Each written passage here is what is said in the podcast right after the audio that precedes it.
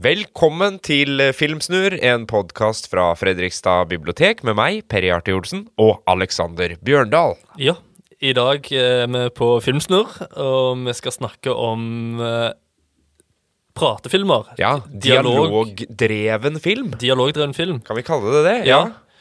Eh, jeg har et eksempel bare sånn rett fra start her. Kjør på, Alex. Ja. Eh, yeah, baby. You dig, the, you dig it most. But you know what the funniest thing about Europe is? What, what is that? It's the little differences. I mean, they got the same shit over there as they uh, got here, but it's just a little different. You got an example? All right. Well, you can walk into a movie theater in Amsterdam and buy a beer. And I don't mean like a no paper cup. I'm talking about a glass of beer. And in Paris, you can buy a, a beer at McDonald's. And you know what they call a quarter pounder with cheese in Paris? Did they call it uh, a quarter pounder with cheese? Nah, man. They got a metric system. You uh, wouldn't know uh, what the fuck a quarter pounder is. What do they call it then? They call it a royal with cheese. Royal with cheese? That's right. Royal with cheese. Ja. Pulp Fiction. En film som mange har sett og Ah, er ja. glad i. Quentin Tarantino, eh, Richard Linklater, Woody Allen, Sofia Coppola, Aaron Sorkin tenker jeg liksom på når jeg tenker dialogdreven film. Ja, det er jo eh, en Kan vi kalle det en sjanger? Vi kan jo egentlig altså Jeg tenker det er en sjanger med flere undersjangere i. Eh, men ja, hva, hva tenker du først og fremst på når man sier dialogdreven film? At, at plottet styres ut fra, fra dialogen. Ja, det er akkurat det. Ja. At det, det er på en måte det som blir sagt, kanskje er viktigere enn det som blir gjort. Ja. Eh, og så har du sånn som Tarantino, da, som er litt begge deler. Han har de lange pratesekvensene, og så har han jo actionsekvenser, eller veldig handlingsbaserte sekvenser i tillegg. Men i Pulp Fiction, da, nå dro jo du en scene derfra, og rett etterpå så skal de jo inn eh, og møte Brad og gjengen. Ja. Og så har man jo den legendariske scenen som ville vært kutta i alle andre filmer. Ja. Nemlig at de to leiemorderne de eh, har litt god tid. Ja. Så han sier jo rett og slett 'let's hang back'. ja. Og så er det en tre-fire minutter med dialog hvor de bare henger og venter på det som skal skje. Og det er jo litt sånn unikt med Tarantino, egentlig. At han utnytter de romma som vanligvis ikke blir utnytta. ja. Ja. For meg er det det som gjør Pulp Fiction til Pulp Fiction. Ja. Det er jo det. Ja. Eh, Folk ser kanskje forskjellig på det. Noen liker det, noen andre. Men jeg liker de når de snakker om bare sånne vanlige ting. Mm, og han bruker det jo også veldig for å beskrive karakterene. Han gjør det jo også i sin debutfilm 'Reservoir Dogs', eh, i denne restaurantscenen. Mm. Ja. Mm. Der slipper han jo egentlig hintet om hvem som er synderen i gjengen, Ja. eh, ved å bruke det inn i en, en Virker som en helt vanlig scene, hvor noen kompiser sitter og diskuterer om man skal gi tips eller ikke. Ja, ja. Ja. Nettopp. Men så ligger det noe bak der, og da, han har jo alltid en mening med dialogen. Den Ja. skal avsløre noe om karakteren, eller fortelle noe om handlinga, eller plottet, eller temaet i filmen. Ja. Eh, men det gjøres jo på en veldig, veldig elegant måte, Ja. og det føles veldig naturlig. Altså, ingen, er- ingen er- Samtalene kan virke liksom litt sånn meningsløse ut, men de er ikke det. Nei. Og så får de på en måte Han har klart å lage noen sånne kultsamtaler ut av det, da. Mm. Det er eh, Folk siterer eh, fra quotes. Ja. Royal with cheese har Ja. blitt en greie, liksom. Altså, han klarer på en eller annen måte å gjøre helt vanlige ting kult. Ja. Det er så kule, de folka i Tarantino-filmene. ja. Det er en samtale altså, som jeg og deg kunne hatt. Bare Ja. ikke så kult, liksom. Nei, vi ser jo ikke like kule ut som Nei, vi gjør eh, ikke det. Samuel L. Jackson og John Travolta, men, eh, Det skal men, litt til. men innholdet kunne jo vært litt sånn, du, Alex, Mm. jeg var eh, Vet du hva de sier i Europa, eller? ja, ja, ja, det kunne det. Helt klart. Ja, absolutt. Og så har man jo det at eh, i dialogdrevne filmer så tenker jeg at det, det kan ikke bare være eh, kjente øh, sitater. For det er jo mange filmer som har veldig gode sitater. Mm. Die Hard har noen veldig kule sitater, men det er jo ikke noen dialogdreven film nødvendigvis, ikke Nei, sant? nei. Ehm, men Casablanca Ja. tenker jeg er et godt eksempel på en film som har begge deler. ja ikke Der sant? har du store movie quotes som folk eh, fortsatt bruker, og kanskje er Hvis du, hvis du sier 'Here's looking at you, kid', for Mm. eksempel, så vet alle Eller 'Play it, Sam'. Så vet alle hvilken film du snakker om. Ja. Og samtidig så er det en veldig dialogdreven film. Den uh, handlinga foregår stort sett på ett sted, Ja. inni en bar, ikke sant? det, er- Da er vi inne på et kriterium. Ja, vi er jo det. Eh, handlingen drives av hva som blir sagt, og, og hvordan de agerer på det som blir sagt, på en måte. I, I mye større grad. Eh, Goodfellas er jo også et sånn eksempel på en film som både har dialog og mye handling. Ja. Hvor man blir, liksom, man blir sugd inn i alt det de forteller om og, og snakker om. Ja. Men det er veldig mye actionsekvenser, og den lever jo sitt eget liv utenom dialogen òg. Ja. Ja. ja, han greier jo Sånn som Tarantino der, altså den balansegangen der. Mm. Hvor du, du, du, du bruker liksom Du har manus og replikkene i bånn, og så bruker du filmmediet for alt det er verdt, da. Ja. I tillegg. Goodfelles er jo mye at de sitter på bar. Ja, det er jo det, og samtidig så er det veldig mange virkemidler i kameraføring, i kjappe klipp og sekvenser og ja. Eh, den hopper fram og tilbake i hvordan den for, bruker fortellerstilen sin. Så, så den, den gjør jo mange sånne ting.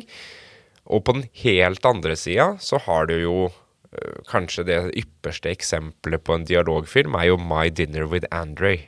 Ja. Ja, Det er jo en av mine store favoritter. ja for, bare f- forklar litt om den, Alex. Ja, det er ikke så mye å si, for det er bare to. Det er to stykker som setter seg Ja. ned på en restaurant og prater i to timer. Ja. Det, du, eh, det er en hovedkarakter som har bare fått et sånn rart For dette er jo på 80-tallet, da. Så han har fått et brev fra en gammel kamerat. Bare, ja, 'Kan vi ikke møtes? Jeg har noe viktig jeg skal fortelle deg.' Så bare ja. Han har egentlig ikke lyst til å møte han. Men så har han booka det, og han, kameraten har booka på, eh, på en sånn fine restaurant da i New York. Og så møtes de, og så er det bare to timer med samtale Ja. over middag. Og det er bare den mest spennende filmen du har sett. Det høres jo veldig ut som et sånn teaterstykke, utgangspunkt. Ja, ikke sant? To, to karer sitter ved et bord og prater sammen, Ja, men eh, fungerer på, på film. veldig. Og teater er jo et stort tema der. Det, de snakker mye om teater. Eh, og det kan jo være en fin overgang til en av dine favorittpratefilmer. Helt klart, eh, Alex, fordi en av mine favorittpratefilmer er jo Birdman. Eh, Alejandro Inuritos eh, Oscar-mesterverk, vil jo jeg si. Den er jo sånn som splitter folk litt. Eh, ganske krevende. Fordi den har jo veldig veldig lange dialogsekvenser. Eh, Michael Keaton i hovedrollen, da, som, og litt sånn meta. Det er jo et Raymond Carver-teaterstykke ja. eh, som på en måte skal settes opp. Så han, har jo, han bruk, skal jo bruke den teksten og historien. Um, så det er veldig metabasert. Og så er han jo da en avdanka eh, gammel actionskuespiller, egentlig. Birdman spiller jo på at han var Batman tidligere. Ja. Så det der lig- det ligger som et bakteppe hele tida, at han Ja. har vært Birdman, og nå skal han prøve å gjøre seriøst teater. Ja. Og måten den er filma på, er jo med eh, sånn timinutters dialogscener som er eh, tatt i én tagning. Ikke sant? Og så beveger vi oss til neste rom, og der eh, øver man kanskje på et teaterstykke. Ja. Eh, så da får man de replikkene, og så Det er nesten som en sånn reality. er ekstremt dynamisk. Det er det, altså. Du er jo på en måte flue på veggen i et ganske sånn kaotisk eh, miljø. Ja. Um, utrolig godt Det føles nesten ut som en uh, ja, sånn jazzkonsert. Ja, liksom. ja, Eller en ikke ballett. sant? Mm. En ballett med måten det er uh, koreografert på og orkestrert på. Ja. Og så har du den derre hele tiden Du føler liksom at det er sånn frijazzelementer Mm. eh, i uh, alt som skjer, og dialogen og Ja. ja. Det er, har, har utrolig driv i seg, og jeg liker jo det veldig godt. Jeg har øh, en annen film som jeg skal ta senere, Ja, ja. som også har, har en sånn driv i seg, i puls, liksom en puls som går gjennom filmen, Ja. eh, som settes av dialogen. Mm. Eh, og det syns jeg er veldig, veldig fascinerende. Ja, Mm. for nå er vi over på en Altså, for i Birdman, der er det jo et plott, ikke sant? Og Ja. eh, med sånn My Dinner with Andre det er jo ingenting som skjer. Det er bare samtalen som driver. ja. Og, og sånn er det jo The Trip òg. Ja. er jo et litt sånt utgangspunkt. Ja. Der skal de jo dra rundt på fine restauranter, og, og s- de sitter ved bordet, og det er jo ikke liksom maten eller vina nødvendigvis som er i, i fokus der, det er jo det de snakker om. ja. Ja, Og jeg syns at eh, The- The Trip er nesten best når de sitter i bilen. det er akkurat det. Ja, er det, det er da de beste samtalene kommer. De derre bilscenene eller restaurantscenene, ikke sant, Ja. hvor det bare to mennesker sitter og øh, De skal et sted og prater om noe. Så det er jo Altså, man har jo mange sånne undersjangere. Vi var jo inne på det. Eh, Roadtrip er jo en typisk Det kan være veldig dialogdreven film. For det er ofte samtaler som, som eh, går i baksetet av en bil, Mm. for eksempel. Eh, courtroom drama er jo en annen ting. Ikke Ja. Mm. sant? Det her med å være i ett rom, og egentlig det eneste du har, er liksom ordets makt Ja. Mm. ved å, å legge fram din sak, da. Du kan vise beviser og videoer og sånn, men, men Mm. det er jo først og fremst liksom retorikken og argumentasjonen Mm. eh, som Så der har man jo mange gode eksempler. Selvfølgelig 12 Angry 12 Men ja. er jo en sånn klassiker innen den sjangeren. Eh, men så har man jo JFK, for eksempel. Oliver Stone sin JFK. Men Trell og Angry Men, den var vel nyskapende for det Det skjer på bakrommet, ikke sant? Det er akkurat det. Ja. Du er jo egentlig aldri ute i rettssalen. Nei. Du får på en måte være flue på veggen hos juryen Ja. og høre deres argumenter og, og diskusjon. Ja. Mens, eh, mens i andre filmer som, som JFK og To Kill a Mockingbird for eksempel, så er det jo på en måte i frontlinja, da, på, Mm. midt i rettssalen. Eh, Så, så det er interessant. The Kramer versus Kramer òg er Ja. jo en av de store rettssalfilmene. In Cold Blood kan vi nevne. Ja. Så Mm. Ja, vi det- har, vi har jo noen sånne undersjangre innafor for disse eh, filmene, da. Mm. Mhm. Men eh, ja, jeg- vi, vi skal vel ikke avsløre alle favorittene helt ennå. Men, Nei. men jeg har, eh, har en jeg har lyst til å nevne. Og det er eh, Kevin Smith Mm. og Clerks. Som, som var kanskje inngangen min til pratefilm, da. Mm. Kom vel i 1994. Ja. Og handler om noen som da driver en eh, liten kiosk, på en måte. ja, de driver dank. Ja, de driver jo dank. Men eh, Men han driver en kiosk, ja. ja, han driver en kiosk, og der kommer det jo bare folk inn Ja. eh, for å kjøpe ting. Ja. Og så står han sammen med en annen clerk, da, og, Ja. og prater. ja.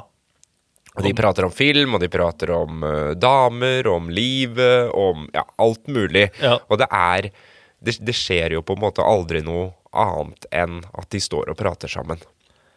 Det er jo Clerks Altså, mange av disse her filmene, pratefilmene, kom jo på 90-tallet. Det var et pratete tiår. Var det veldig pratete tiår? Ja. Var det? Mm. Jeg digger det. Eh, Clerks er jo selvfølgelig en av de beste. Når vi først er på litt sånn lett eh, sjanger, da, og komediesjangeren, for det skal jo mye til å skrive morsomt. Én ting er jo hvordan ting blir levert, på en måte, og spilt ut. Men Cohen-brødrene er jo også en liksom, særstilling der, hvor du kan eh, rett og slett lese manus og le. Ja. Eh, og så blir jo det selvfølgelig forsterka, men jeg tenker jo spesielt på The Big Lebowski, da. Ja. Hvor også eh, samtalene og det som skjer liksom i den bowlinghallen, for eksempel, eller i bardisken der, Ja. hvor The Dude bare sitter og prater og, og forteller Altså, det er jo lange dialogscener Ja. som også forteller veldig mye om karakterene. Hva de er opptatt av, hva, de hva som foregår oppi de rare huene deres. ja det er jo en helt genial film. Og eh, 90-tallsfilm. Helt klart. Helt klart. Ehm, et, ehm, et annet godt eksempel som jeg har lyst til å trekke fram, er jo en film som ligger på Cineast, som heter Hunger. Ja, den har ikke jeg sett. Nei. eh, den har Altså, det er en sann historie om eh, en eh, IRA-soldat som da blir fengsla i Irland. Og velger å gå på sultestreik. Ja. Og mm, dette utarter seg jo mer og mer etter hvert som filmen utspiller seg. En ganske brutal, voldsom film. Eh, og så skal den da eh, Det er en prest som kommer på besøk til han, og på en måte skal prate han til fornuft, eller prøve å få han til å bryte sultestreiken, da. ja. Og da er altså kameraet bare satt opp. eh, litt sånn som vi sitter nå, rett eh, ovenfor hverandre. Så står kameraet og bare ser på det bordet. Så du ser dem fra siden, begge to. Det er ikke noen nærbilder eller noen ting. Du er på en måte ren flue på veggen. Ja. Og det er en scene som varer i 24 minutter. Og 17 minutter av dem er samme kameravinkel. Altså ingen variasjon. Du bare, det er akkurat som du sitter og hører på to stykken i et fengsel som prater. Og veldig ofte så får man jo liksom drahjelp av at kamera skifter vinkler, at du går tett innpå, at du ser følelsene. Men her sitter du på en måte litt på avstand. Eh, og det er veldig virkningsfullt, og krever selvfølgelig masse av både teksten Ja. og skuespillerne. Mm. Så her må det på en måte sikte for at det skal føles ekte og dynamisk ut. Så det er en veldig fascinerende scene. Så, ja så de, det har, er, de har liksom ingenting å hjelpe.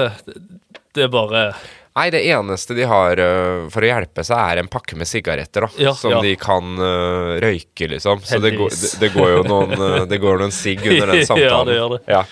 Men, men det, er- det syns jeg er veldig fascinerende når man eh, på en måte tør å strippe ned filmmediet helt Mm. eh, til det bare, da. Og det er jo litt eh, holdt på å si uten sammenligning for øvrig, for Tarantino bruker mange flere kameravinkler og virkemidler. Men det er samme skuespiller, da. Det er Michael Fassbender i Mm. Ja, ikke begge sant? filmene. Ja. Og i Inglorious Bastards så har han jo 25 minutter. Ja. En scene som kommer langt ut i filmen Ja. eh, som bare er en dialogscene. Da har de jo kledd seg ut som nazister. De skal infiltrere nazistene. Ja. Og så er jo spørsmålet da, kommer de til å bli avslørt? Eh, for han skal jo snakke tysk, Ja, ikke ja. sant? Og klarer, altså, klarer han det uten å bli avslørt? Og Mm. den nerva som er i den scenen der, og hvordan han velger å holde på det. Mm. Det er veldig mange andre, igjen, ville gått rett på shootout, som vi sier. Den actionsekvensen, Mm. ikke sant? Den hadde ka- kanskje kommet etter tre minutter Mm. i hvilken som helst annen film. Ja. Men Quentin Tarantino han holder altså på i 25 minutter Ja. før noen tar grep. ja. Ja. Nei, den, er- den er veldig bra. ja veldig, veldig gøy. Ja. Ja. Men eh, dra en av dine favoritter, da, Alex. Ja, mange er jo nevnt. Altså, vi må kanskje nevne eh, en av mine favorittregissører, Woody Allen.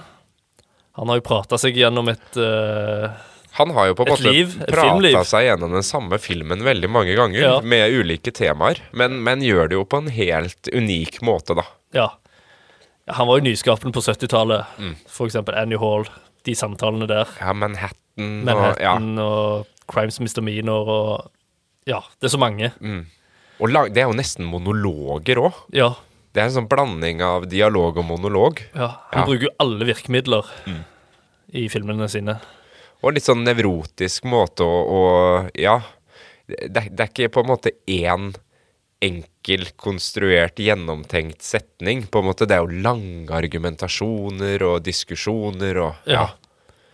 Det, og ja, Woody Allen og så har jeg en eh, favoritt som jeg holder i hånda her, som heter eh, Diner. Diner, ja, den har ikke jeg sett. Nei. Eh, Barry Levinson. Ja. Eh, og han kjenner du til. Ja, ja, ja. Rainman, for eksempel. Selvfølgelig. Eh, 1982 eh, var vel en av de første filmene hans, om det ikke var den første filmen. Da lagde han Diner, som er eh, virkelig liksom en sånn ordentlig pratfilm med en gjeng i Baltimore på 60-tallet som har en sånn fast diner, da, der de møtes og prater. Og jeg tenkte på det den jeg hadde først om Pulp Fiction. For i Diner så har de noe av det samme. Der snakket de om roast biff Å ja. Ja. Så Tarantino er inspirert av Diner. Jeg har aldri s- sett at Tarantino har sagt det, men jeg tror Diner har vært veldig viktig for Tarantino. Eh, og de har òg en sånn samtale der de diskuterer hva som er den beste sangeren, om det er Frank Sinatra eller Johnny Mattis, Ja. som jeg ikke har noe med eh, Og jeg så en sånn eh, bakomfilm om Diner, da, at de produsentene satte seg veldig på bakbeina. Nei, de ville kutte de samtalene der. Men da så, eh, sa Barry Levinson nei, de der eh, de er viktigere enn du tror. Mm. Eh, og du har for eksempel eh, Jeg kan se òg paralleller til Seinfeld, for eksempel. Et show om ingenting. ja. Mm. Og, og jeg tror vi er liksom inne på nøkkelen i dialogfilm når vi snakker om akkurat det der å tørre å beholde det som veldig mange ville eh, klippa bort, ikke sant? Eh, og så har man veldig, veldig dialogrike filmer, sånn som Woody Allen og Diner, The Breakfast Club, sånne ting som, som hvor, hvor det prates på en måte hele tida. Ja. Og så har du jo også det som er dialogfilmer, Sofia Coppola f.eks., med Lost in Translation, da. Mm, Hvor eh, dialogen rett og slett blir tapt Ja. i oversettelsen veldig mange ganger, ja. men har noen små, korte dialoger som sier veldig mye. Så den er jo mer liksom komprimert. I stedet for å bruke ti minutter på, på å si én ting, så sies det kanskje på én setning. ja. Så det er også veldig fascinerende hvordan eh, liksom, det uttrykket Noen filmer blir jo nesten snakka i hjel, ikke sant? Det er Ja. det som gjør at de fungerer. Um, mens eh, sånn som Sofia Coppola holder jo veldig tilbake. Samme gjør man jo i Aftersun av Charlotte Wells, som vi eh, er veldig, veldig begeistra for. Ja. Hvor, hvor det er korte, små dialogscener som sier veldig mye mer det er, det er utrolig velskrevet.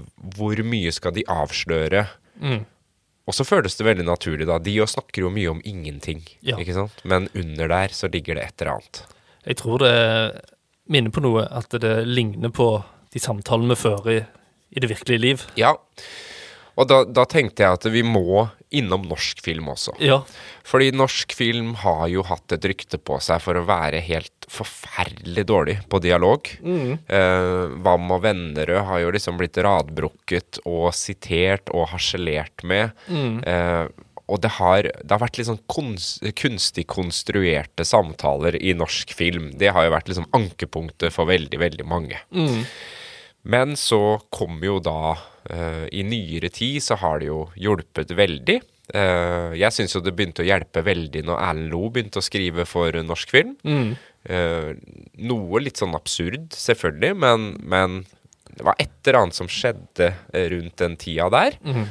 Og så har jo Joakim Trier og Eskil Vogt Ja. eh, gjort en helt formidabel jobb, eh, kanskje spesielt da med Oslo-trilogien. ja. Eh, og jeg Og så han eh, nailer jo det med sånne små samtaler Ja. om ingenting. ja, og, og de er jo Noen av dem går jo veldig sånn rett på et tema, på en måte. Eh, sånn som eh, diskusjonen som Hans Olav Brenner og Anders Danielsen Lie har på benken i parken i Oslo 31. august, hvor han på en måte hinter om at han eh, har selvmordstanker og lurer på om han skal ta livet sitt. Og, og det ansvaret du på en måte legger på noen andre når du forteller det. Ja. Og den Det er jo kanskje min liksom den scenen som jeg syns har betydd mest i norsk film. Mm. For det- jeg mener at det var et vendepunkt for at vi tok liksom steget opp Ja. til den eh, franske filmtradisjonen, til den amerikanske, altså til den danske, og kom liksom opp på nivå med Mm. hvordan man løser en, en filmscene og en dialog, da. ja. Men nordmenn, vi henger jo litt etter. Vi henger, vi henger Det litt, kommer grann- litt senere til oss enn eh, så den franske nybølgen er nå nådd eh, Norge, da. Ja da. Eh, og, og samme i, i 'Verdens verste menneske', hvor vi har denne eh, samtalen på benken Ja. utafor sykehuset med Renate Reinsve og, og Anders Danielsen Lie, da. Mm. Som for øvrig er starter akkurat som den scenen i Hunger, med at de sitter på hver sin side av benken, Ah, ja. og kamera står bare rett og ser på dem fra siden. Ikke sant? Så, så det derre utsnittet der, med å starte en dialogscene, det, det finner man igjen i veldig, veldig mange filmer. Mm. Jeg vil òg nevne han eh, Haugerud. Ja. Dag Johan Haugerud Ja. er jo også en mester i det der. Eh, Det er jo 'Lyset fra sjokoladefabrikken' er jo én sånn typisk dialogfilm. Nesten bare enkeltscener hvor de, hvor de sitter, og kameraet står nesten helt stille. Eh, og der er det jo masse dialog. Mens, eh, mens Roy Andersson, for eksempel, da, som også har sånne still Helt sånn still eh, oppsett. Eh, Der er det jo ofte at det bare skjer ting. At det Ja. er mer handling. Men, men Dag Johan Haugerud, han Altså, i Barn Ja. så har han jo et FAU-møte Ja. eh, hvor de diskuterer liksom en skolesak, da. Mm.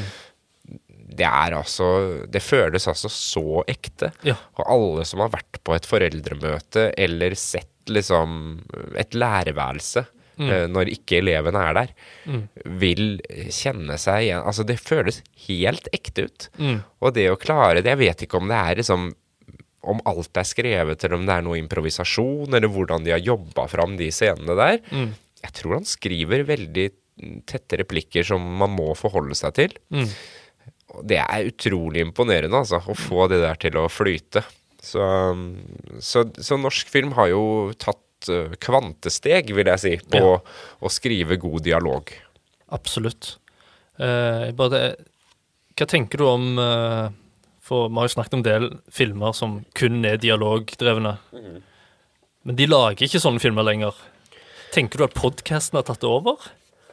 Ja, kanskje det. Ja. Kanskje det har blitt For eh, folk er interessert i å høre, om, høre gode samtaler. Ja, og, og det, det ser man jo altså, det, Holdt på å si langformatet i podkast har jo også vært, blitt veldig populært, ikke sant? Ehm, med både norske og amerikanske podkaster som, som strekker seg over tre-fire timer, hvor man enten diskuterer veldig vidt og bredt, eller diskuterer ett tema veldig nøye, sånn dypdykk, på en måte. Ehm, For når vi ser den Royal with Cheese Det er som er tatt fra en podkast, ikke sant? Ja, ja da. Det er jo det.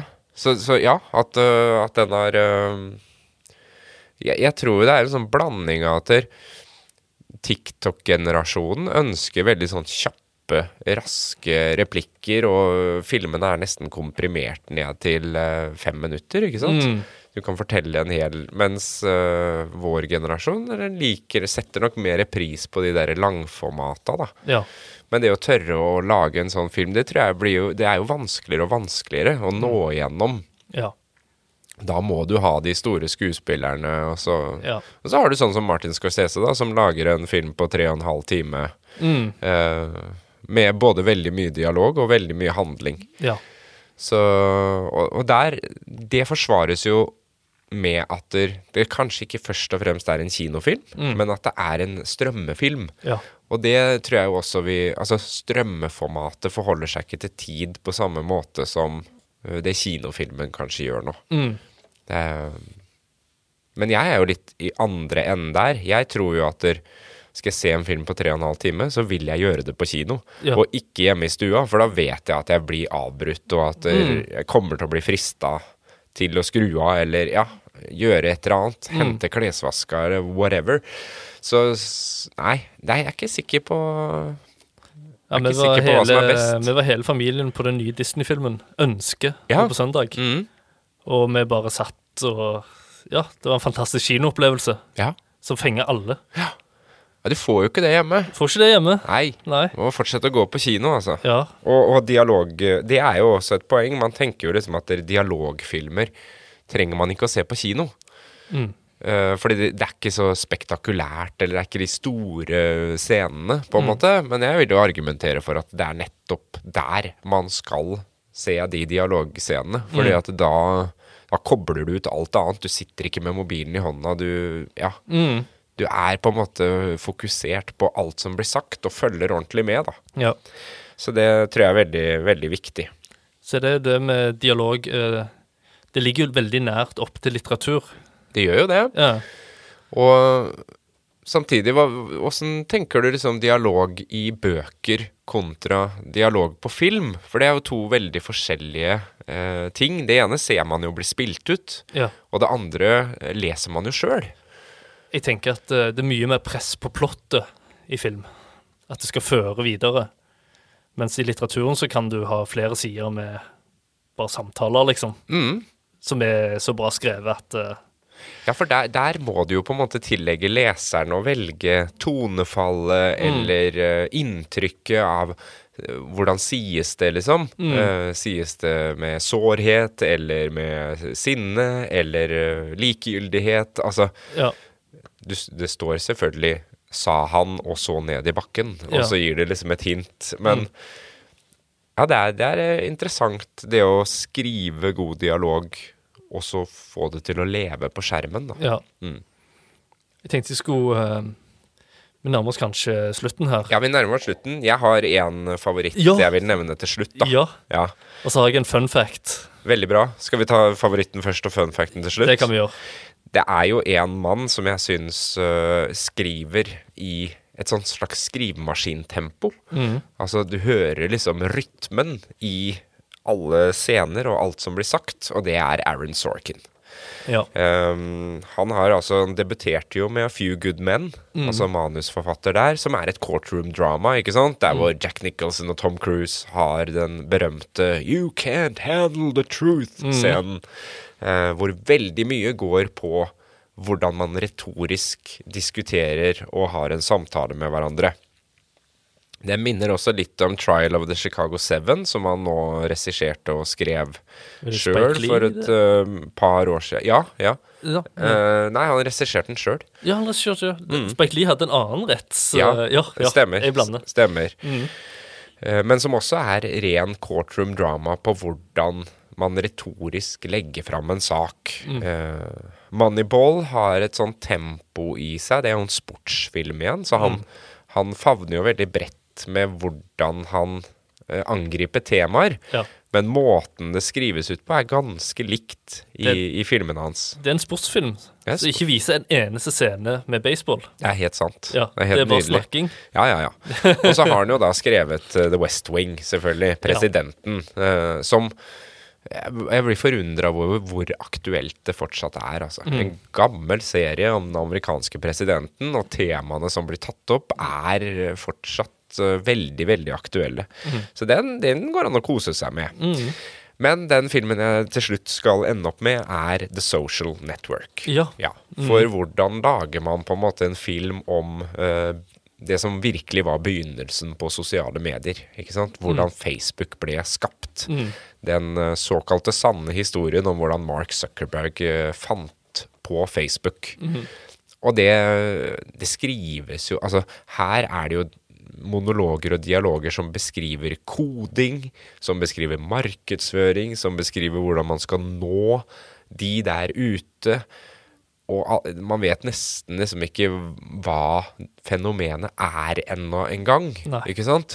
Og det å klare å skrive det inn i monolog og dialog, det syns jeg er ekstremt godt gjort. Men også et eksempel på en film som det nesten snakkes i hele tiden. For enten så er det en voiceover som narrerer det som skjer, eller så er det rene dialogscener. Og gjerne en blanding. Det er gjerne dialogscener hvor Mark Zuckerberg-karakteren da også kommenterer Mm. det som blir sagt. Så det er Altså, jeg, jeg ser for meg sånn som når kodene skrives på dataskjermen, vet du. Så bare tut, tut, tut, tut, Ja. tut, tut. Sånn går den filmen hele tida. Og David Fincher har jo lagt klipperytmen og alt i samme tempo. Ja. Så det er sånn tut, tut. Det er et enormt driv Ja. i den filmen. Fincher er god på rytme. Mm. Jeg er veldig glad for at du hadde den siste der, for jeg tror vi er inne på noe. At det handler om å, å formidle noe som er litt kjedelig. Det er helt riktig, det. Ja. Ja. Og gjør det interessant. Ja. Litt sånn enkelt Ja. å, å forklare Altså Mm. på en måte forklare ting litt. ja. Ja, Og det er det som er, er de beste Mm. snakkefilmene. rett og slett. Ja. ja, jeg har jo en eh, liten fun fact på slutten. eh, for en av de st virkelig store sånn innen pratefilmen heter jo Richard Linklater. Eh, kanskje min favorittregissør. Han har jo f.eks. Boyhood, som mange likte. Det var kanskje gjennombruddet hans. Veldig sent i eh, Ja, det var vel da han på en måte i hvert fall ble fullt anerkjent, for Ja. før det så Han ble Oscar-nominert. Ja og- da. Ja, Og Before Sunset og sånn ble jo på en måte plassert litt i romantikksjangeren. de gjorde det. Ja, Selv om det egentlig er en eh, det er noe mye- for seg sjøl. Ja, det er en mye dypere film Ja. Mm. enn det. Det er jo Julie Delpy som har skrevet manuset òg, så der har man jo et originalmanus eh, fra, Mm. fra skuespilleren sjøl, da. Og ja så, eh, Mange personlige favoritter. Eh, 'Waking Life' eh, og, og aller første filmen 'Slacker', som er jo bare samtaler. Eh, og ja, en av mine store helter. Og så nevnte jo du Kevin Smith og Clerks. Og jeg leste en sånn eh, intervju eh, med han Kevin Smith, der han ramsa opp sine favorittfilmer. Og så på slutten der så sa eh, nevnte han at eh, ah, han møtte en gang Richard Linklater i New York på en filmfestival, og de var og så en film sammen. Og han var sikker på at de skulle liksom finne tonen. For de hadde jo begge veldig sånn Ja, filmer som minner om hverandre. Talkative movies. Ja. Men Richard Linklater han var ikke interessert i å snakke så mye med Kevin Smith. så det gikk ikke så bra. Så du er Det er ikke alltid du er liksom den Som de filmene du lager, da. Nei, det er knallhardt. Han var litt sånn taus eh, fyr fra sør-USA, ikke sant? Ja, ja, ja. Og der er nok Richard Linklater sitter hjemme og skriver denne dialogen som han ikke klarer å uttrykke sjøl, Nettopp. mens eh, Ja. Kevin Smith, han bare Han eh, skriver nok ned bare akkurat det han tenker Ja. hele tida. Han er jo i New York og ja. Ja. ja. Morsomt. Eh, det ligger jo i hvert fall Hunger og Naked, som, eh, som også er en sånn eh, god pratefilm. De kan du se på Cineast. Det ligger òg noen Linklater-filmer der, tror jeg. Det gjør det. Ja. Og ellers så har vi jo veldig, veldig mye gode pratefilmer i eh, DVD-hylla vår, Ja. rett og slett. I fysisk format. Ja. Woody Allen og Ja, ja, ja. alle. Sorokin og alle de vi har eh, nevnt nå. Mm. Og Så vil jeg oppfordre til å ta fram de norske filmene igjen. Altså. Oslo 31. august, 'Verdens verste menneske' og 'Barn'. Ja. Se de opp igjen, og legg merke til hvor godt den dialogen er skrevet. Jeg vil òg slenge på eh, Mongoland, som har gode dialog, og er òg en julefilm. Det er julefilm. Ja. Det er en julefilm som ikke er julefilm, så god jul! God jul! Produsert av Fredrikstad bibliotek.